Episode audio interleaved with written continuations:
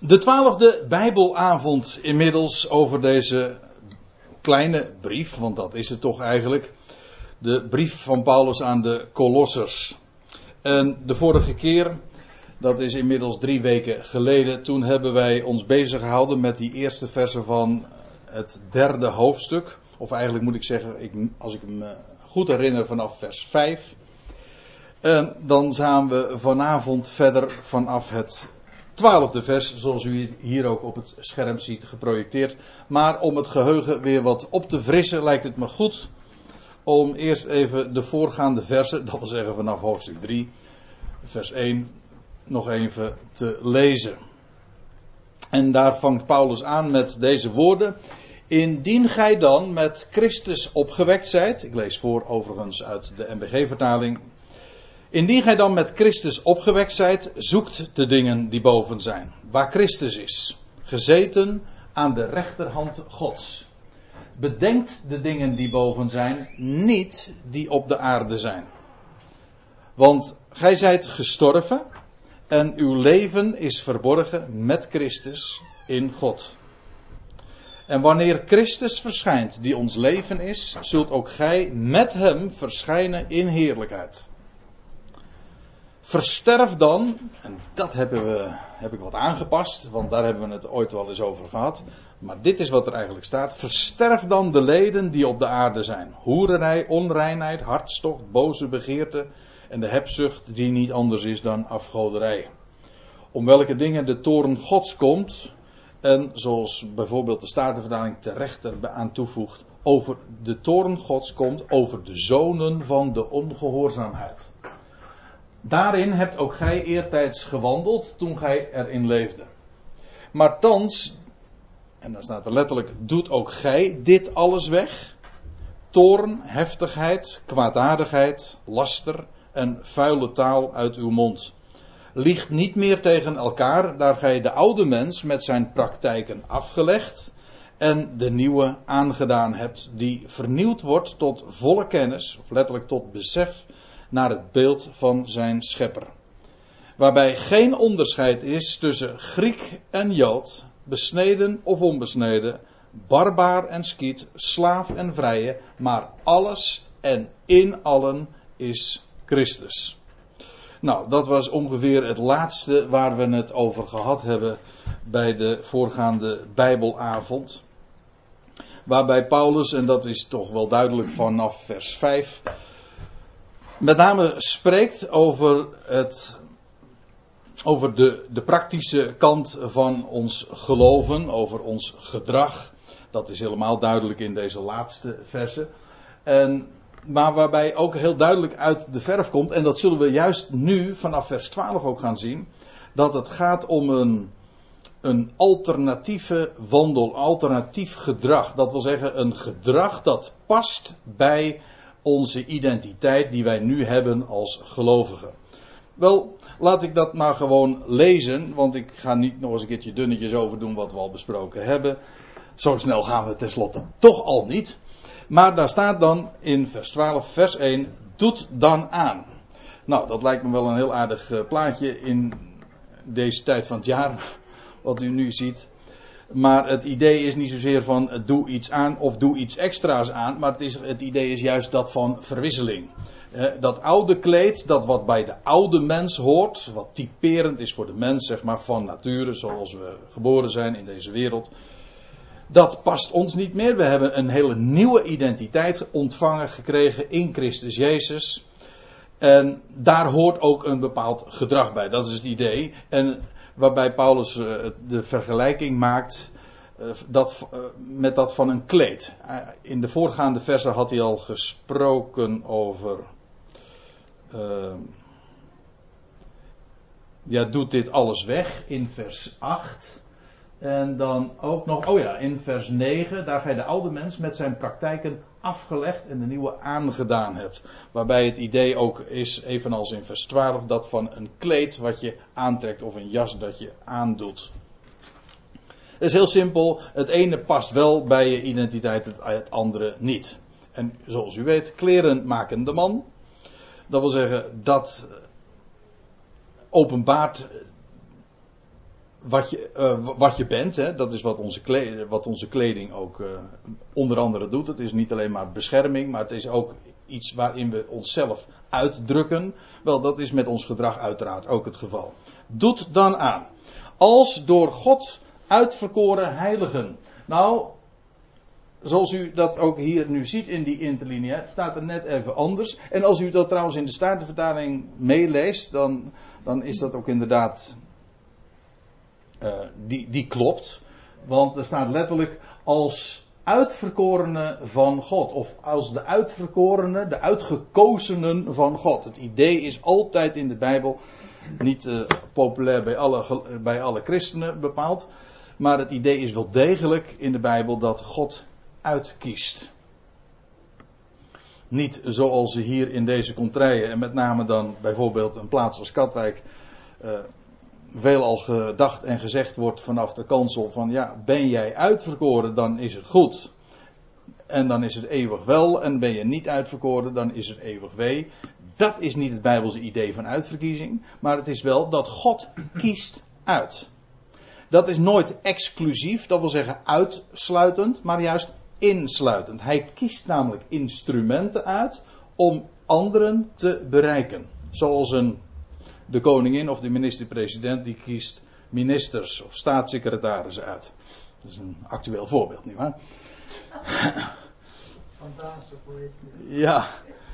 Maar daar zullen we het nu even niet over hebben. Er wordt uitgekozen. En waarom? Een minister wordt uitgekozen juist om anderen te dienen. Het is in wezen instrumenteel, als ik het eventjes eh, deftig mag zeggen. En dat is bij uitverkiezing ook altijd het geval. God kiest mensen uit niet om, al, om een troetelkindje te hebben of zo, of om een lievelingetje erop na te houden, maar om mensen in te schakelen om anderen juist te bereiken. Dat is altijd het idee. Dat, uh, daar ga ik nu verder nu op in, dat is hier per slotverrekening ook niet het onderwerp, maar het is wel even goed om te beseffen. God, heeft, God kiest uit. En hier wordt gesproken over uitverkorenen van de God, de plaatser. En dan staat erbij heiligen. Dat wil zeggen mensen die geheiligd zijn. Zoals een attribuut in de tempel heilig is, speciaal aan God gewijd. Wel, dat zijn wij. Wij zijn uitgekozen en we zijn maar niet de eerste de beste. Integendeel, wij zijn heiligen. Wij zijn, we het is hier hetzelfde woord wat hier gebruikt wordt voor heiligen, is, wordt ook gebruikt voor uh, die afdelingen in het heiligdom. Het heilige en het heilige der heiligen. Zulke terminologie wordt hier gebezigd. Dus dat wat speciaal de status heeft aan God gewijd te zijn. Dus ook apart gezet en afgezonderd. En staat er nog bij geliefden. Uiteraard niet geliefden door elkaar. Dat is, mooi als dat, is mooi meegenomen als dat ook het geval is. Maar dat is niet zozeer waar het om gaat. Het gaat erom geliefd door God. En hier staat een woord dat werkelijk inderdaad ook liefde is. Agape. Onvoorwaardelijk geliefd door God. Dat is wat wij, en ik spreek nu even u en jullie aan als gelovigen per dat is wat ons samenbindt, dat woord. Wel, dan zijn wij geheiligd, aan God gewijd. We zijn gekozen door Hem. En bovendien, we zijn geliefd. Ook dat is niet exclusief, maar het is wel de status waar wij ons in elk geval ook van bewust zijn. Geliefd door God. Nou begrijp ik ook waarom meneer Pastoor, uh, tenminste zo heb ik me laten, heb laten zo heb ik me laten vertellen, de kerkdienst dikwijls aanvangt met eh, beminde gelovigen. Toch? Ja, de meeste van u hebben geen uh, rooms-katholieke achtergrond, zit ik zo eventjes om me heen te kijken. Maar dat is wat er dan gezegd wordt. Maar het is wel waar. Gelovigen zijn bemind, geliefd. En dan staat erbij, doet dan aan, want eventjes de draad vasthouden. Het gaat dus om een kleed dat je aantrekt. Welk gedrag of welke uitingen horen bij hen die geliefd zijn en die gekozen zijn door God, geheiligden? Wel, innerlijke ontferming. Een interessant woord trouwens. Want het woord innerlijk, dat heeft te maken, je ziet dat nog in één van de voorkomens, nou bij het woord hart, maar dat is echt een ander woord, maar ingewanden. De darmen, de ingewanden. Als ik me niet vergis, staat er in de Statenvertaling ook ergens in Lucas. Maar dat is nu even uit het blote hoofd. Het is alweer een tijdje geleden dat ik me dat, uh, dat ik daar eens naar gekeken heb. Maar dan wordt er gesproken over de, de, de innerlijke barmhartigheid van God. Ik geloof in de lofzang van Zacharias. En dan staat er van uh, de ingewand. Uh, de ingewanden van zijn barmhartigheid. Kan ook zijn dat het in de Telos-vertaling is. Maar dat is inderdaad wat er staat. De ingewanden. Waarbij trouwens wel interessant is dat bepaalde zaken, eh, mentale dingen, geestelijke dingen, gekoppeld zijn aan fysieke aspecten, fysieke delen. Ik bedoel, het is bekend, dat is niet zo moeilijk, dat het denken koppelen wij aan de hersenen. En uh, liefde aan het hart. Maar zo wordt bijvoorbeeld gevoelens, met name, hebben te maken, en dus, daar hoef je niet eens zoveel fantasie voor te hebben om dat te begrijpen. Maar gevoelens worden gekoppeld in de Bijbel aan de ingewanden. De, mijn, er staat ook ergens in de, in de, welke vertaling weet ik niet, maar dat is wat er echt ook staat. In de profeten wordt er gesproken over mijn, mijn, uh, mijn ingewanden rommelen in mij. En dan wordt er gesproken over de heftige emotie, over de liefde van God voor zijn volk. Dus die ingewanden. En dat is inderdaad, bij sommige mensen werkt dat wat sterker dan bij de ander. Maar dat is waar emotie uh, gelokaliseerd wordt. gevoel voel je juist ook hier, van binnen. In je, dus in, bij de ingewanden. Innerlijke ontferming. Dus je ontfermen over de ander, waarbij je dus werkelijk emotioneel ook betrokken bent. Dat past ons. Niet ons koud op te stellen, maar ons te ontfermen over de ander. En dan staat erbij goed, goedheid. Dat is nog zo'n eigenschap. Nou, is wel een hele vrije weergave. Als u een Engelse, als de Concordant Version kijkt, dan wordt het weergegeven met consequent, met kindness, vriendelijkheid. En dat doet de MBG-vertaling maar één keer. En voor de rest met goede tierenheid, rechtschapenheid, wat goed is enzovoort. Ja, dat is allemaal heel leuk en aardig, maar dat is niet concordant. Het is, dit is wat er staat: vriendelijkheid. Ik geef toe, de woorden liggen dicht bij elkaar. Iemand die goed is, die is, dat associëren wij ook wij met vriendelijk. Maar dit is dus de echte betekenis van het woord. Ook van het woord, als u het in de MBG, pardon, als u het in de in het Nieuwe Testament het woord goede tierenheid leest, dan is dat de weergave van dit woord. De goede tierenheid van God, zijn vriendelijkheid. God is vriendelijk. Nou, dat was logischerwijs dat als wij uitgekozenen zijn van God, geheiligden en bovendien geliefd, wat zou dan een passende eigenschap voor ons zijn, anders dan dat wij eveneens ons vriendelijk opstellen. Al die eigenschappen die hier genoemd worden zijn prachtig om daar eens wat ja, nadere kennis van te nemen. En dat elk mens onderscheidt dat dit en ziet dat dit geweldige eigenschappen zijn. Waarin je, waarin je op je op je klompen kunt aanvoelen dat, dat kan ook nog, hè, ik zei net gevoelens hebben te maken met, uh, met ingewanden, maar kennelijk ook nog iets met je klompen. uh, in elk geval, die, uh, die eigenschappen, die, die kennen wij aan God toe. En die als geliefden van Hem passen ze ons ook als een jas, als gegoten. Om het zo, zo even te zeggen. Dus dat is dat woord. Vriendelijkheid. Nederigheid. Nog zo'n eigenschap. Het zijn allemaal eigenschappen, ook als je ze zo allemaal op een rijtje zet. Die nou niet bepaald uh, veelvuldig in de wereld worden gevonden. Dat als je die wil vinden, dan moet je even teruggaan, hè, waar we het eerder over gehad hebben. Die, die, uh, die hele vermoeiende lijst, want dat is het. Als je het over de werken van het vlees is, heel vermoeiend. Dit zijn eigenschappen die te maken hebben met de vrucht van de geest. Met dank aan Galaten 5, maar goed. Nederigheid. Dat wil zeggen, dat heeft ook nog te maken met.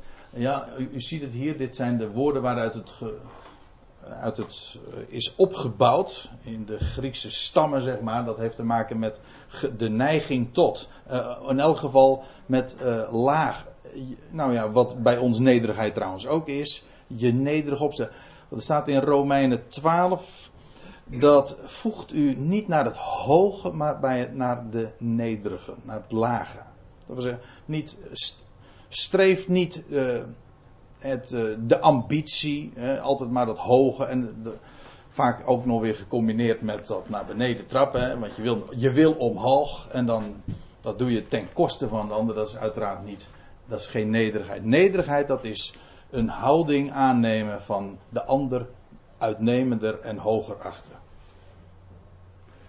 En dan zachtmoedigheid. Mildheid. Eh, meekness, dat is inderdaad mild. Zachtmoedigheid, het is nou niet echt een modern Nederlands woord meer. Maar wij spreken dan doorgaans nu over mild. Mild in je oordeel, mild in je denken. Niet scherp, maar ook uh, de nu. Ja, wij, uh, als het gaat over oordeel, een zachtmoedig oordeel, dan, dan wil dat ook zeggen dat je genuanceerd bent, mild. Dus ook in Galaten 5, dat hoofdstuk wat ik zojuist al even noemde in verband met de vrucht van de geest, wordt dat ook genoemd als een van die aspecten, een van die kenmerken van de vrucht van de geest. Zachtmoedigheid, mildheid.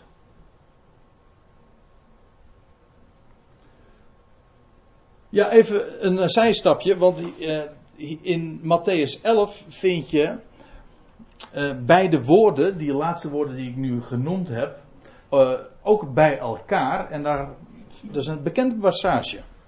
Matthäus 11. Dus heel opmerkelijk als je de context er ook nog even bij betrekt. Ik doe het heel, even, heel snel even. Uh, het gaat erover, de Heer Jezus is, dat lees je dan in het voorgaande van Matthäus 11, is massief afgewezen daar in de streken waar hij zelf uit afkomstig was, Nazareth, maar vooral ook Capernaum. En de afwijzing is groot en dan is het de Heer die zich, die zich terugtrekt en dan lees je dat hij zegt, komt tot mij allen die vermoeid en belast zijn. En dan heeft hij het, kijk maar in het verband, uh, kijk maar in het verband na, dan heeft hij het over hen die vermoeid en belast zijn door al die zware geboden die hen door de geestelijke leiders waren opgelegd. Daaronder gebukt gingen. En ik, wat toen godsdienstig waar was, is nog steeds het geval waar de Heer mee te maken had. Toen was de afwijzing van de orthodoxie, de leidslieden, de schriftgeleerden, de fariseërs orthodox, maar ze legden de mensen lasten op, leringen van mensen, en daardoor waren, werden mensen vermoeid. In plaats van dat het woord hen licht en rust en vreugde en uitzicht gaf, drukte het hen alleen maar te neer en maakte het hen vermoeid, gefrustreerd ook. Maar dan, dan is het de Heer die roept: Kom tot allen tot mij en die vermoeid en belast en ik zal u rust geven. Namelijk zijn woord, zijn belofte. Ja, ik, ik heb de neiging om, om, hier nog wat nader op in te gaan, maar laat ik, laat ik uh, bij de les blijven. Uh, ik zal u rust geven. Dat is wat de Heer geeft. En dan zegt hij: Neem mijn juk op u. Weet u wat dat juk is?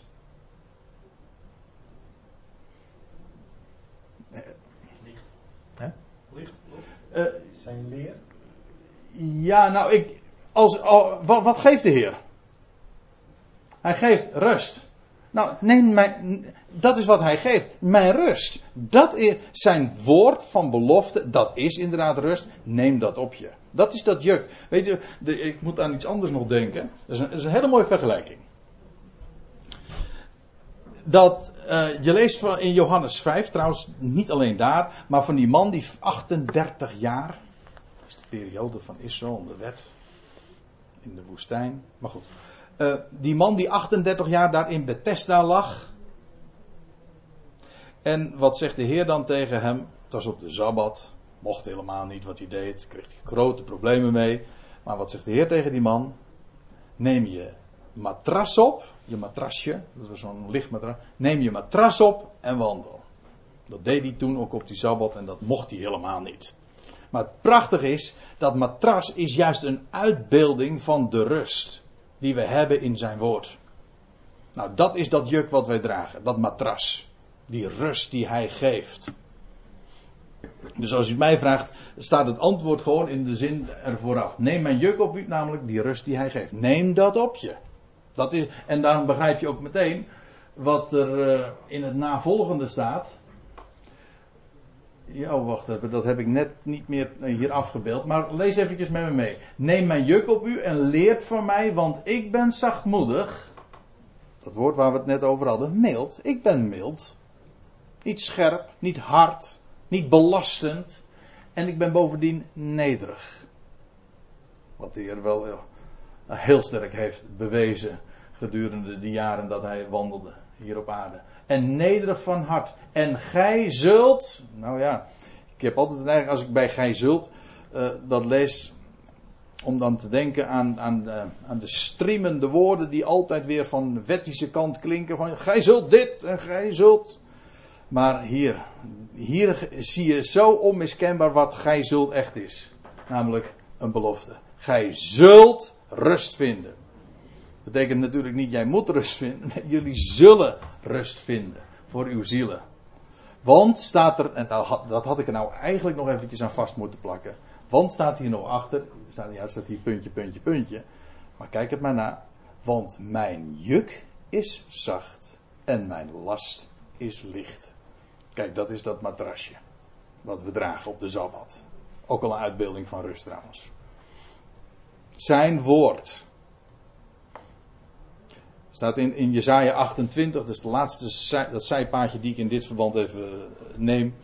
Maar er staat in Jezaja 28 dat uh, wat voor Israël de, uh, het woord was. Dan staat er wet op wet, ijs op ijs.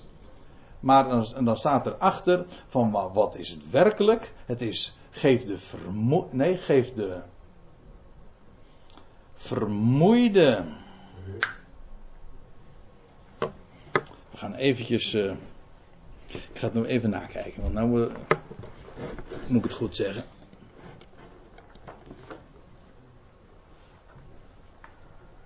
Zal we het even laten zien.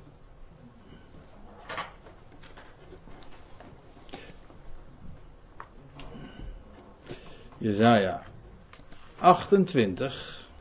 Dat weet ik uit mijn hoofd. En als ik me niet vergis is het ergens vers 14.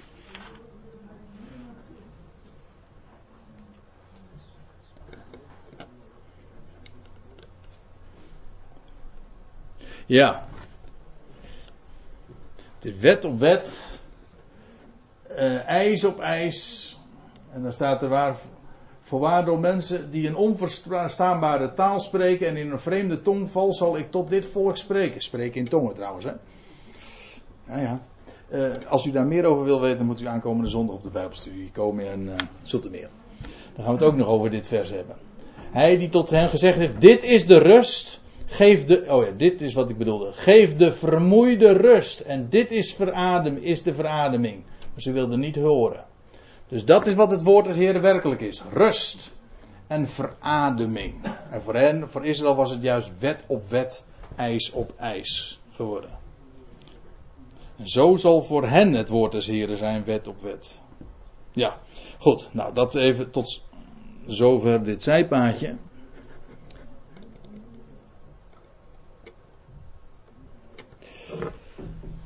Naar Matthäus 11. Dat eh, in verband dus met die zachtmoedigheid en die nederigheid van wie we dat kunnen leren.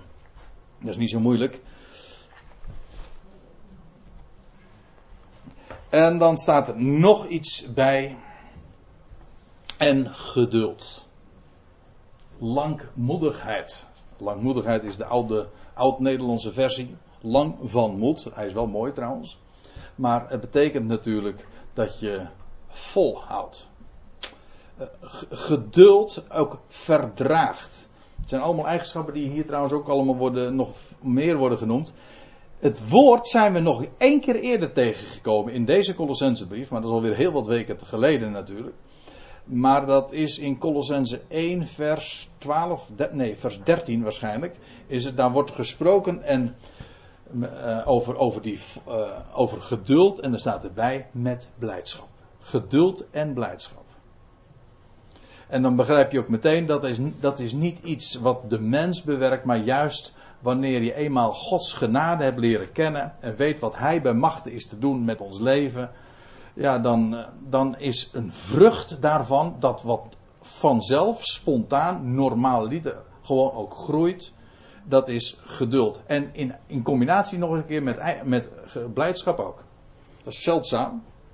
Want als een mens al geduld weet op te brengen, dan is het zelden met blijdschap. Nee, dat is toch zo? Ja.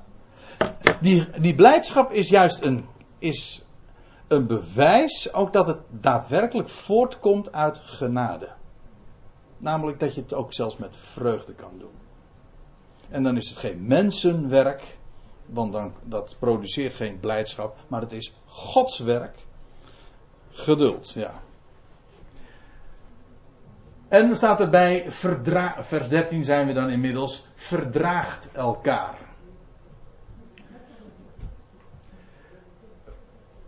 Geduld heeft wellicht, dat hangt een klein beetje vanaf welke context gebruikt wordt, maar geduld en het verdragen, dat ligt wel heel erg dicht bij elkaar. Maar als, je, als ze beide in één adem worden genoemd, zoals in dit geval, dan denk je bij geduld vooral aan situaties die zich voordoen waarin je geplaatst bent in je leven.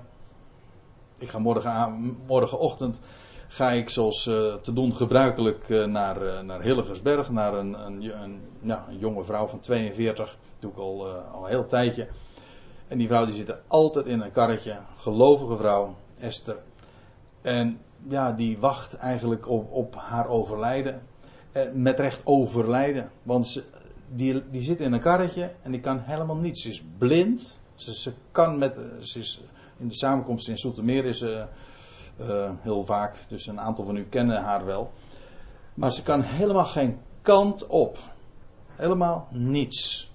En ze heeft niet lang meer te leven, dat weet ze ook. En ze verlangt er ook inderdaad naar dat het lijden voorbij is. En ze zegt zo vaak, als ik dan naar kom, zeg, hoe is het Esther? Dan zeg ik altijd bij, naar omstandigheden. Hè? Ja, want hier, het leven heeft voor haar hier geen enkele bekoring meer. Ik bedoel, wat, zou het kunnen? Het is echt, uh, dat, is, dat is vreselijk. En, maar wat ze dan uh, antwoordt als ik haar vraag, hoe is het dan? dan vaak, in, we, hebben het over prachtige dingen uh, van zijn woord, maar ze zegt altijd, het duurt zo lang. En als je inderdaad totaal niks kunt, moet u zich voorstellen, je zit in een karretje en dag in dag uit, ze slaapt bovendien ook nog slecht ook. De nachten duren dan ook zo lang. Je kan helemaal niks. Je zit in een karretje, krom getrokken. En ja, volst, volstrekt uh, onvermogen tot alles eigenlijk. Het enige wat ze nog goed kan, dat is luisteren. Maar voor de rest, eh, en uh, de smaak, die heeft ze ook nog. Maar voor de rest kan ik niets noemen wat ze, wat ze nog heeft. Dan duurt een dag en een nacht heel lang. En als dat zo'n proces dan zo bovendien nog aftakelt. En je, dan, nou, als ik het dan heb over geduld. Dan zeg ik, jongen, jongen, dat heb je dan nodig hoor. Dus uh, trouwens, uh, heel goed hoor.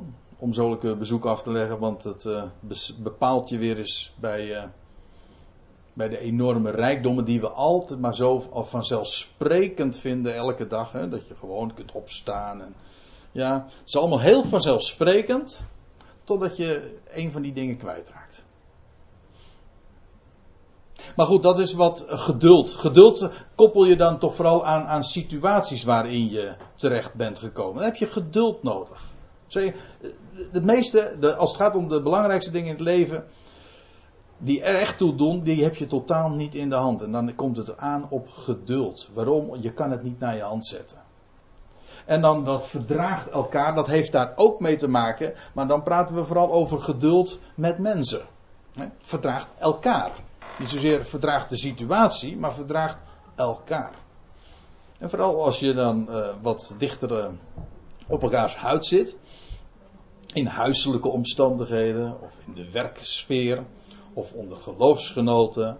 Mensen met wie je omgaat en samenleeft. En je, on, je krijgt te maken met de onhebbelijkheden van de ander. En laat ik er dit ook nog bij zeggen: de, de ander krijgt te maken met de onhebbelijkheden van jou. Ja, dat is niet zo erg natuurlijk.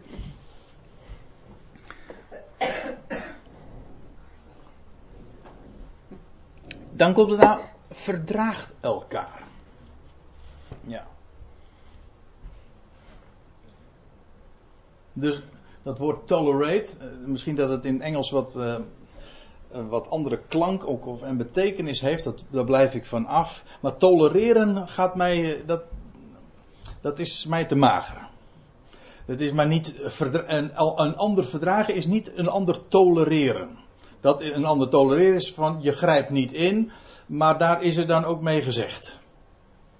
Maar je verdraagt het eigenlijk niet. Verdragen wil, ze, wil ook niet alleen maar zeggen tolereren, maar je accepteert de ander gewoon zoals hij of zij is. Nou, dat is een uh, machtige eigenschap. Het is trouwens eh, opmerkelijk in. Ja, in dit, dit geval. Dit eh, herinnert aan 2 Timotheus 4, vers 3 ergens. Dan staat er dat in de laatste dagen de mensen de gezonde leer niet meer zullen verdragen. Ze, hebben, ze kunnen het niet verdragen.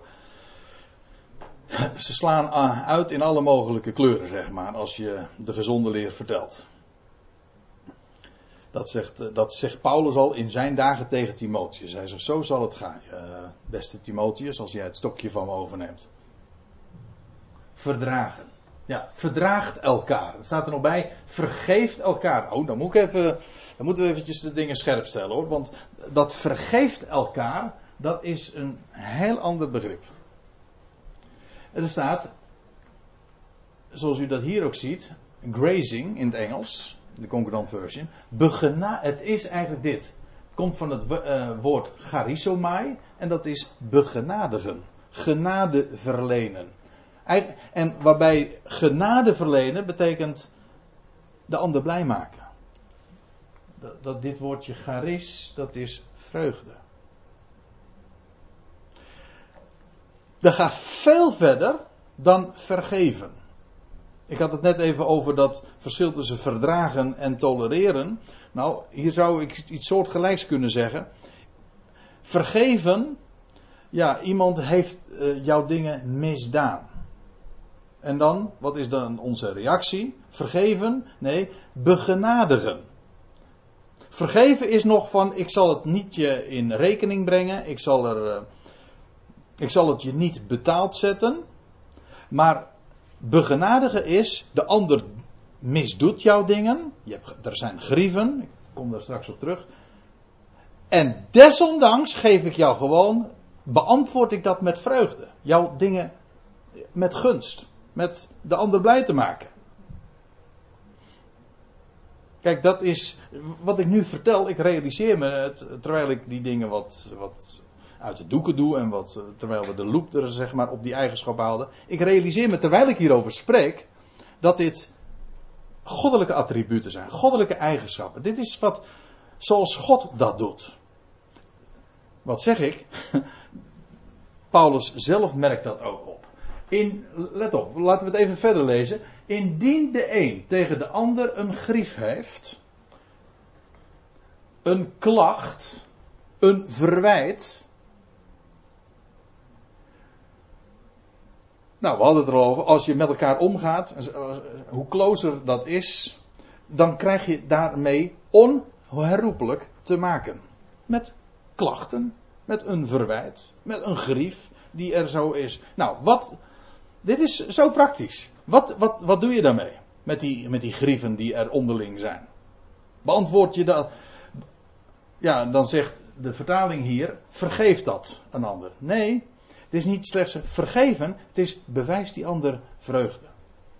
En dan moeten ze opletten het motief. Wat hier dan bij staat. Gelijk ook de Heer u vergeven heeft. Maar hier moet ik natuurlijk weer hetzelfde zeggen, want hier wordt hetzelfde woord gebruikt. Charizomai. Begenadigen. Gelijk, en dan moet ik er nog iets bij zeggen. Uh, het staat hier in de aorist. Hoef ik nauwelijks meer toe te lichten, maar Goed, voor degenen die het nog nooit gehoord hebben, dat betekent tijdloos. Zonder horizon. Dat wil zeggen, het gaat er niet alleen maar om dat, dat, de, Heer dat, dat, in, dat de Heer dat in het verleden zo gedaan heeft. Nee, het feit wordt gesteld. Hij bewijst genade.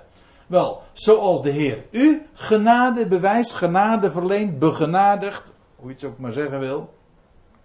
Doen jullie dat nou net zo? Met andere woorden, dat past jullie. Als je die Heer kent,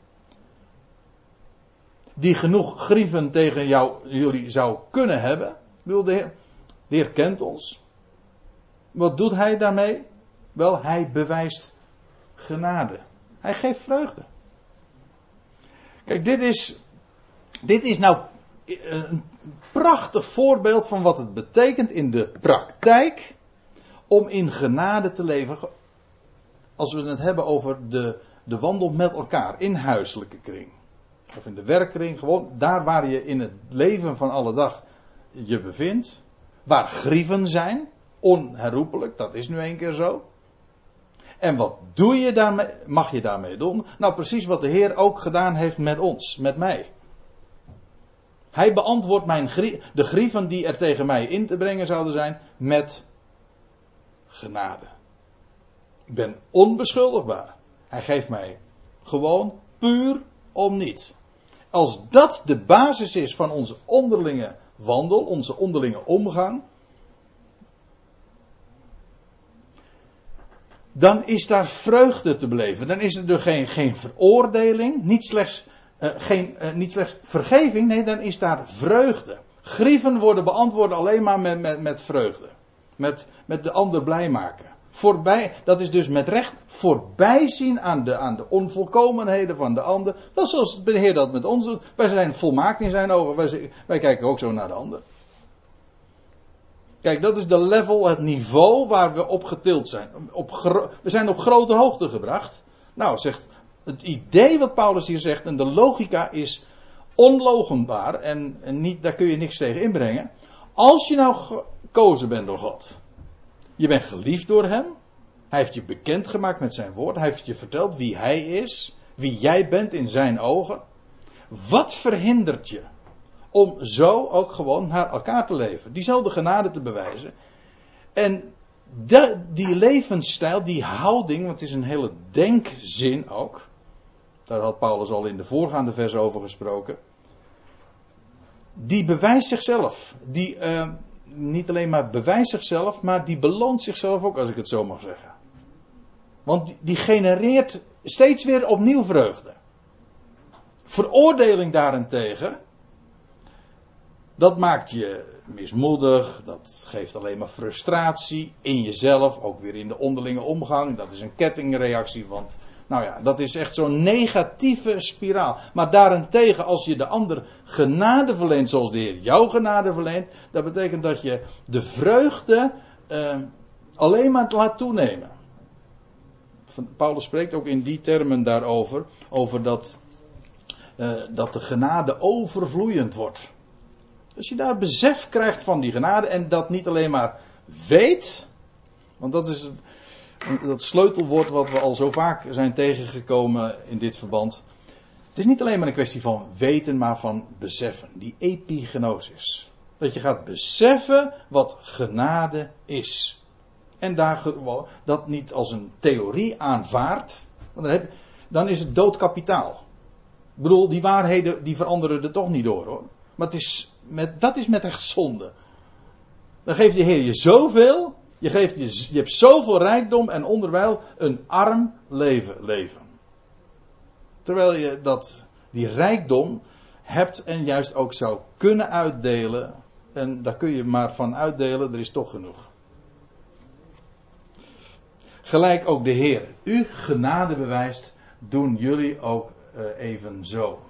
Ik stel voor trouwens dat we nu, want nu we naar vers 14 toestappen, dat we misschien uh, verstandig gaan doen om eerst even een kopje koffie te drinken.